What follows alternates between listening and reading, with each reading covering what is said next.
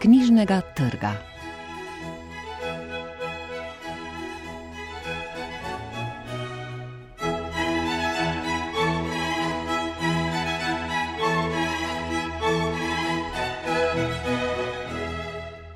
Dobr dan, v oddaji iz knjižnega trga nas tokrat čakajo Blaž Lukan s pesniško zbirko Pes v meni, Ivana Šojat in Marike Lukas Reinefeld z romanoma Ezan in Nelagodje večera, ter Tone Hočevar s knjigo Kosmata druščina.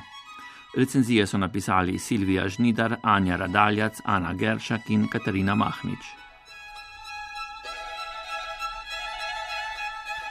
Čeprav je gledališče osrednje področje, na katerem deluje Blaž Lukan, je velik del ustvarjanja namenil tudi poeziji. V svoji 12. pesniški zbirki Pes v meni je nanizal lirske refleksivne pesmi s podobami sodobnega sveta, narave in človekovega odzivanja na zunanje svet. Knjigo je izdalo kulturno društvo Hiša poezije, ocenjujejo Silvija Žnidar težnost in teža obstoja, ki se v močnem glasu trgata iz subjektove notranjosti.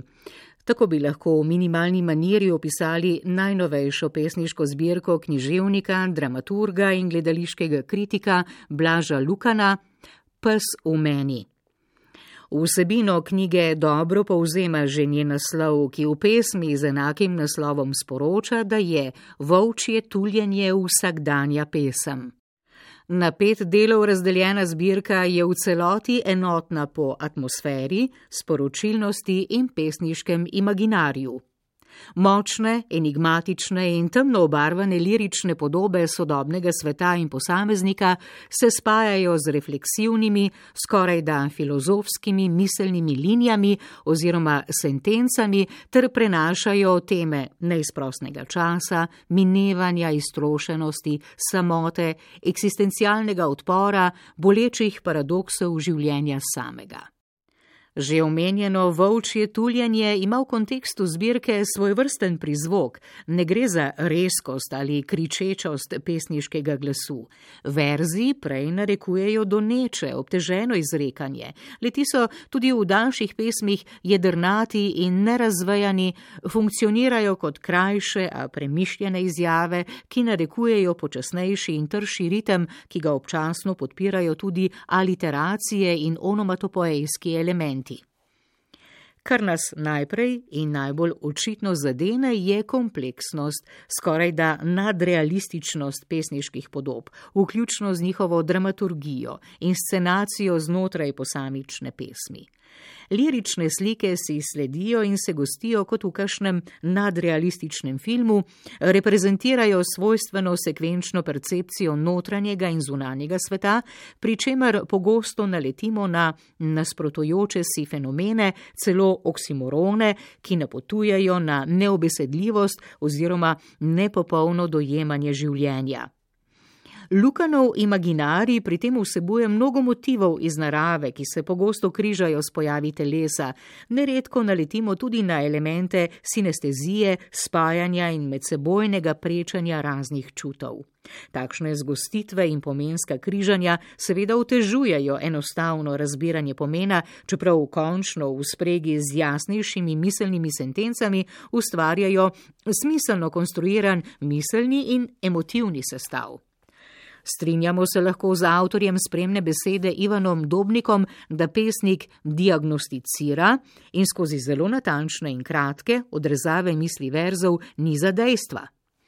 Zazdi se nam lahko celo, da spremljamo vizijo topografije sodobnega človeka oziroma da se nahajamo znotraj same percepcije pesniškega subjekta, ki iz raznih perspektiv motri svet in človeka, stvari in pojave v njem, pri čemer se izogiba sodbam, lete uidejo transformirajočemu nizu pesniškega slikanja.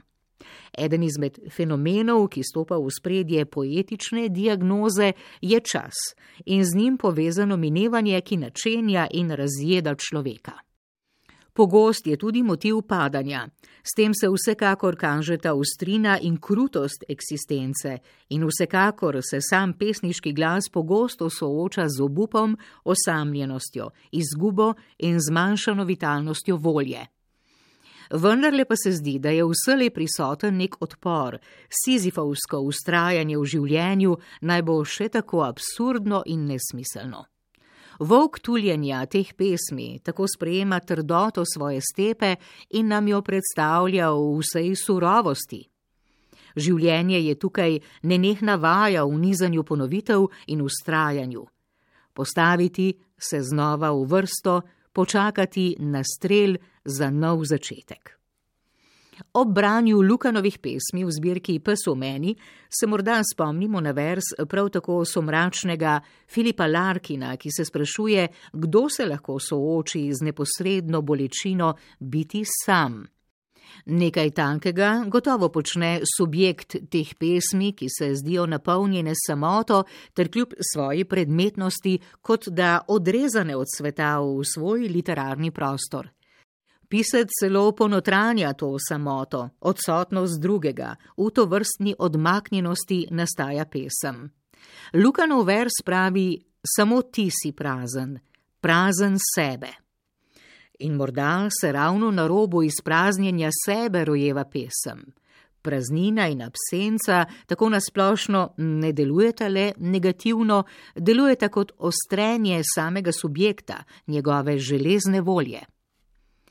Pesniška zbirka Blaža Lukana Pes v meni nam tako spleta intriganten, neenostaven pesniški konglomerat.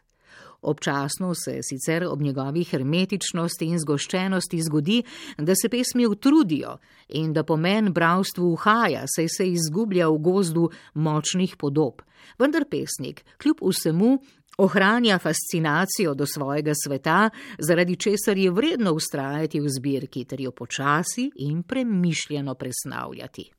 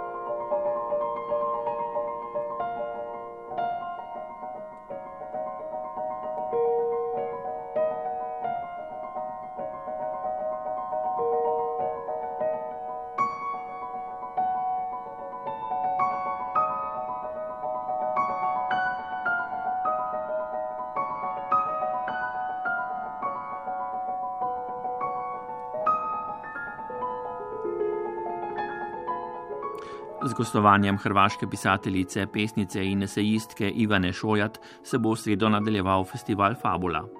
Ob tem sta v slovenščini išla dva njena romana, pred kratkim Unterstadt in pred nekaj meseci Ezan. Oba je prevedel Jure Potokar in izdala radovliška založba Didakta, mi pa se bomo ostavili pri Ezanu, romanu, ki odpira vprašanja o sakralni in sekularni družbeni ureditvi in posamezniku v njej ocenjuje ga Anja Radaljac. Postsekularizem, kakor ga razume filozofinja Rozi Brajdoti, opozarja na prisvojiteljstvo in izbrise vednosti, naziran in misli, ki se odvijajo v imenu razsvetljenskega projekta in zahodnega imperializma. Ko kapitalizem začne spodjedati feudalni red, se s tem začne spreminjati tudi splošni družbeni narativ, ki orisuje odnos do stvarnosti, smisla človekovega bivanja in metafizike, ki je sekularizmom tako rekoč spodrezana, izruvana, s tem pa pride tudi do izginotja filozofij, teozofij in veden, ki so bila del tega duhovnega. Branje romana Ivane Šojat Ezan je tako lahko v bravstvu, razmišljajočem v okviru sekularnega narativa, odkritje med drugim tudi v smislu spoznavanja oziroma razkrivanja duhovne sfere človekovega bivanja. Ta je v romanu tesno prepletena s posvetnimi, političnimi, kulturnimi, umetniškimi in drugimi sferami, v sekularnem narativu pa popolnoma umanka. Ivana Šojat nas že z naslovom romana Ezan, kar v prevodu pomeni klic k molitvi, uvaja v duhovno, sakralno sfero. Koluka poznaje Ibrahim, turški janičar, vojščak otomanskega cesarstva, ki ga vodi sultan Sulejman Veličastni, popisuje svoje vojaško življenje, je sfera duhovnega, sakralnega stalno prisotna kot hkratna, niti ne usporedna, temveč na neki način razširjena ali poglobljena oprijemljiva stvarnost.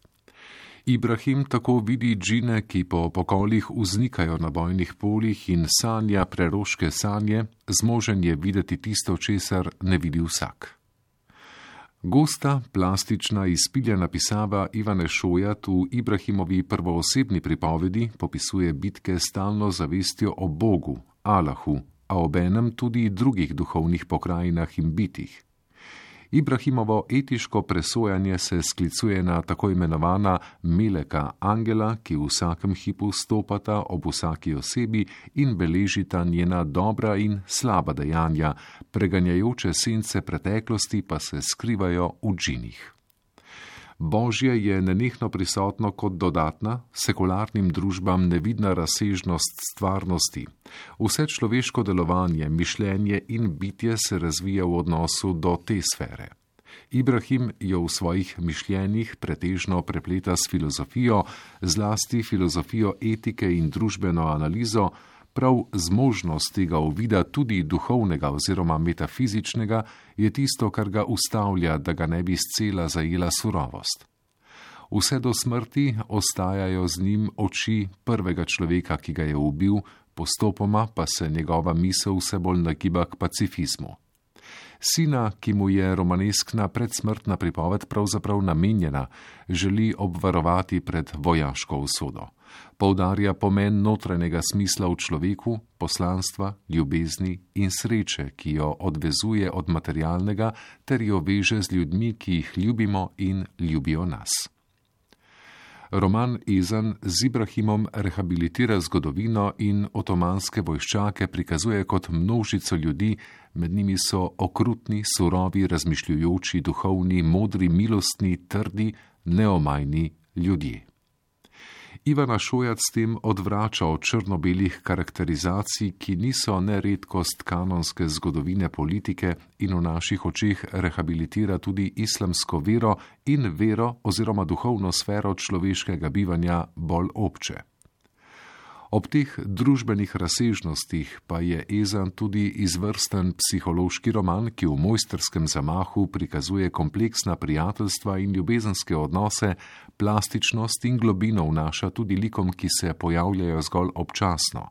Predvsem pa je mojsterski oris individualnega notranjega razvoja posameznika, ki živi vojno življenje, a vendarle ustvari svoje vrsten odpor do političnega sistema, v katerega je bil indoktriniran.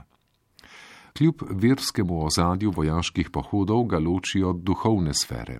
Naj si gre za pobijanje ljudi ali živali, s katerimi Ibrahim goji dva izmed najtesnejših, najglobljih osebnih razmeri in katerih ubijanje, izredno tudi ubijanje za hrano, razume kot inherentno žalostno in boleče. Klanje je vselej v domeni človeškega. thank you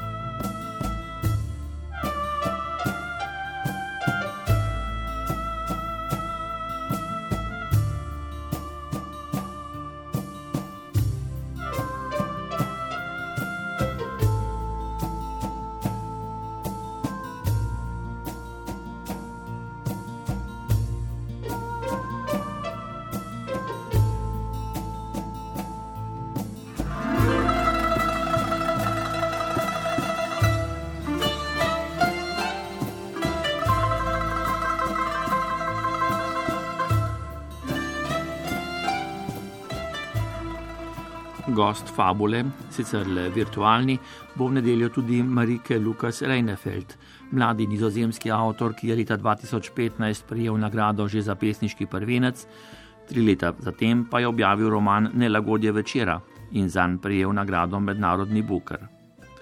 Tesnobno ozračje v njem upoveduje 12-letna jaz, sprožilec dogajanja pa je bratova smrt.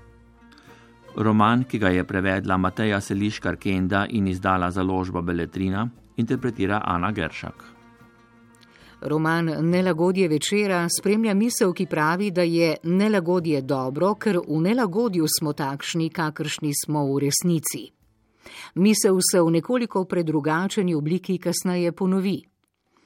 V izgubi najdemo sami sebe in smo, kar smo v resnici. Ranljiva bitja, oskubljeni mladi škorci, ki kdaj padajo iz gnezda in upajo, da jih bo kdo pobral in vrnil mami. Nelagodje je torej že od začetka zaznamovano z izgubo, a tudi z iskanjem sebe. Otroški svet pripovedovalke, dvanajstletne deklice po imenu Jas, obvladujejo pravila čarobnega razmišljanja, ki pravi, da je smrt mogoče razumeti le prek približevanja. Smrt se lahko ozavešča le smrtjo. Člani družine Mulder namreč po tragični izgubi najstarejšega otroka vsak po svoje propadajo. Med starši in preostalimi tremi otroki pa zazeva vrzel, ki se iz dneva v dan veča.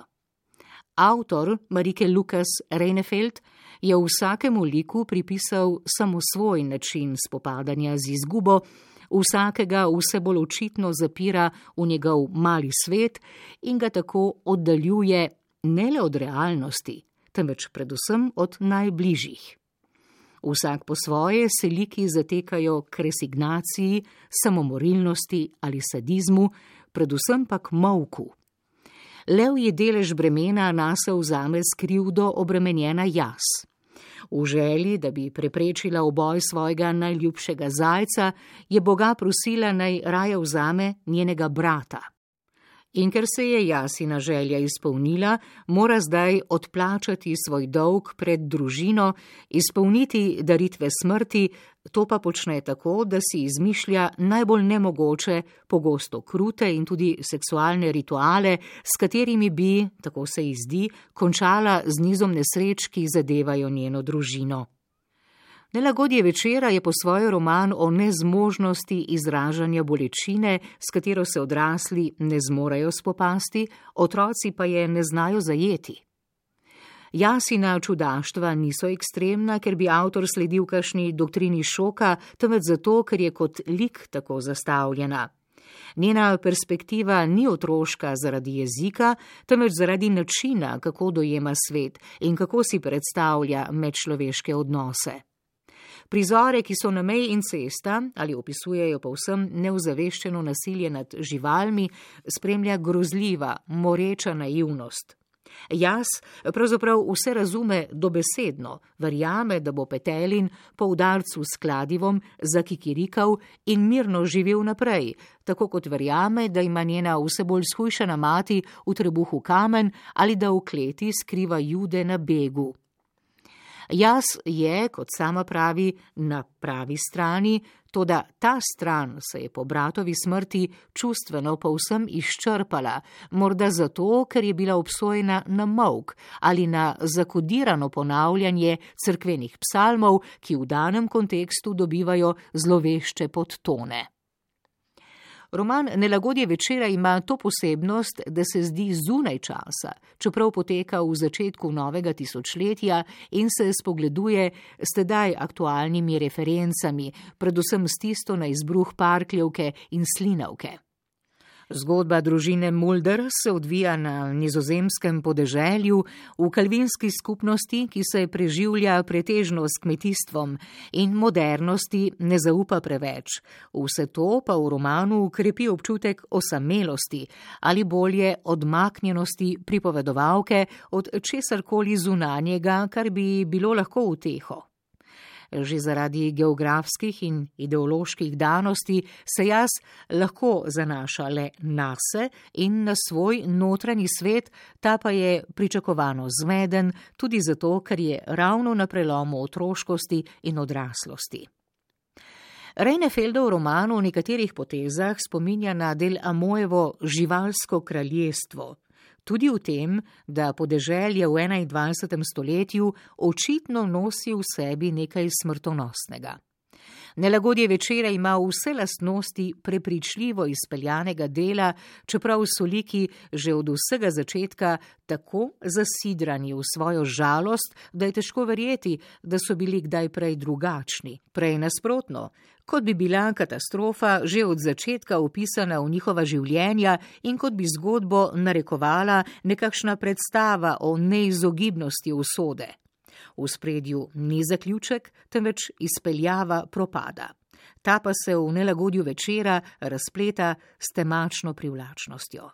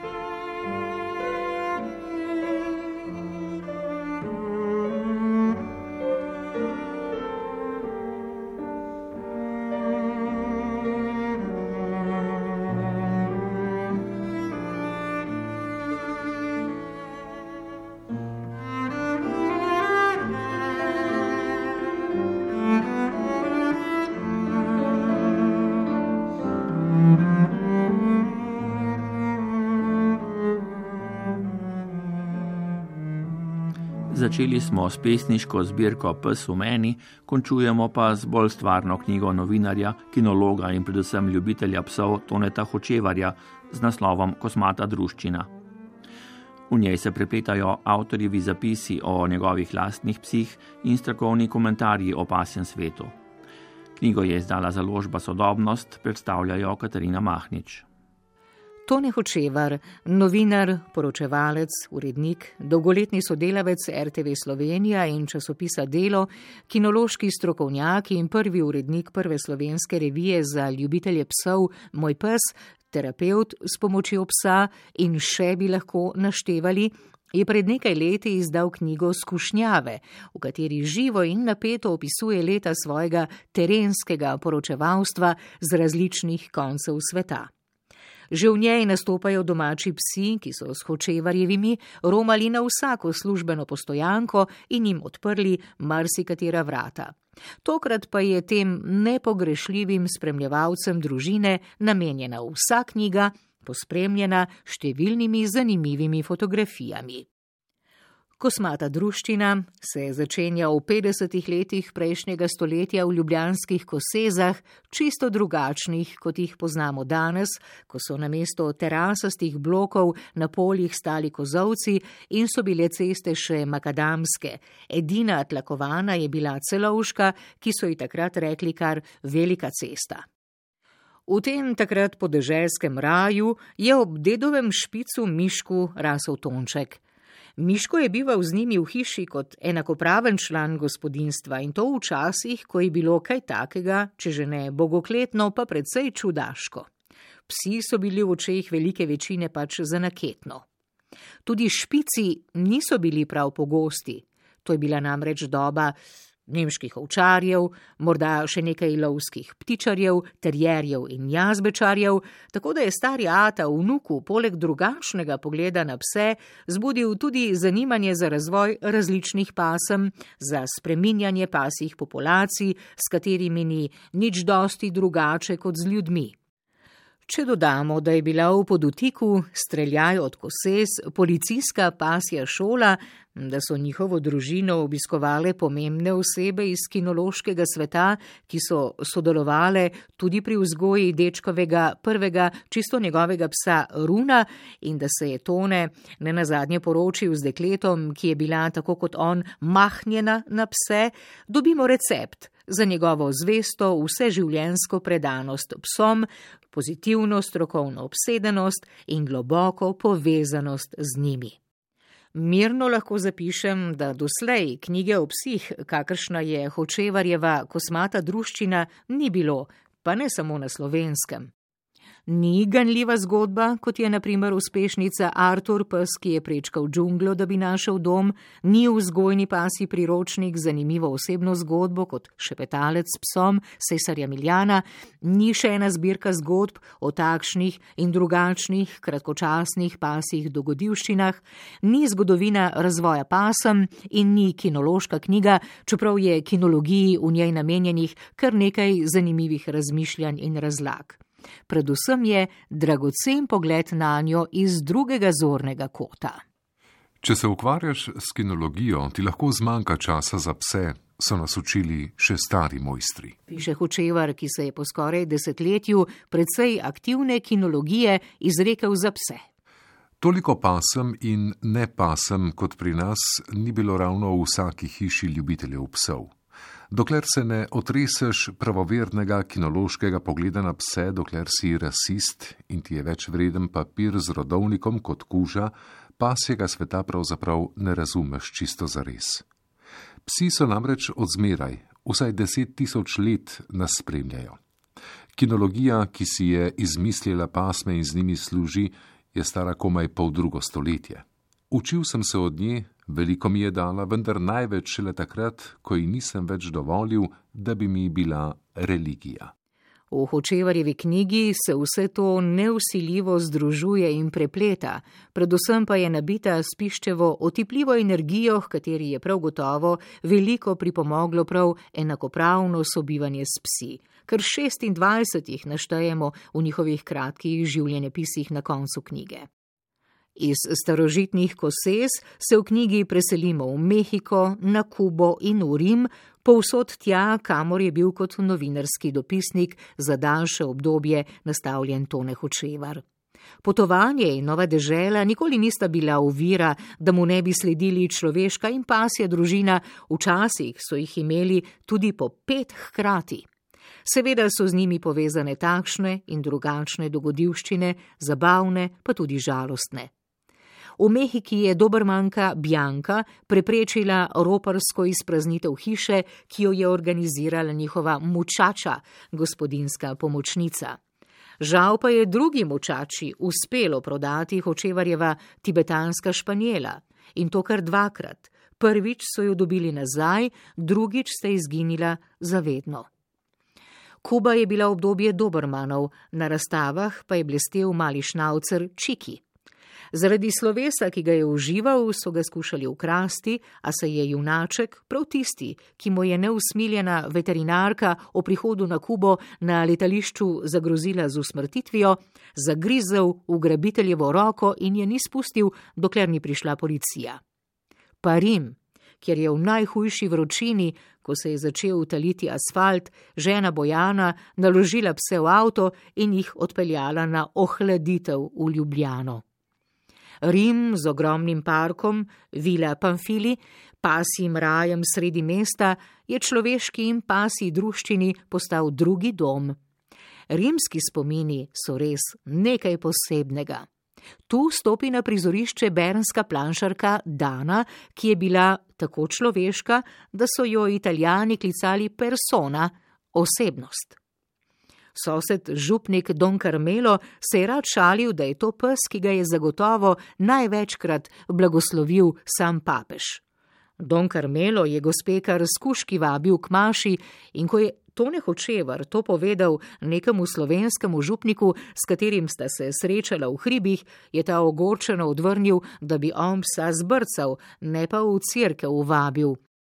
Hecno, mu je rekel Tone, Moje kuške pa papež, vaš vrhovni šef, požegna na Petrovem trgu, nikoli še ni rekel, naj jih stran zbrcajo. Kosmata druščina je, kot rečeno, izjemna knjiga, odlično napisana, brez kakršne koli vzvišenosti ali pištevega razkazovanja znanja, izkušenj in pomembnosti, z ravno pravim razmerjem med poljudnim in strokovnim, zabavnim in tragičnim, pasjim in človeškim, domačim in tujim, osebnimi spomini in zgodbami drugih ljudi. Bistveno in dragoceno je, da ima Tone Hočevar poleg psov izredno rad tudi ljudi, da rad pristopi k njim in se druži z njimi in da je vsemu svetovljanstvu na vkljub ostal preprost deček iz vaških koses. Brez mešančkov bi bil svet prazen, je zapisal. Prazen in dolgočasen bi bil tudi brez ljudi, kakršen je to nehočevar. Pa še opozorilo, naj se knjige ne loti, kdor ne mara psov.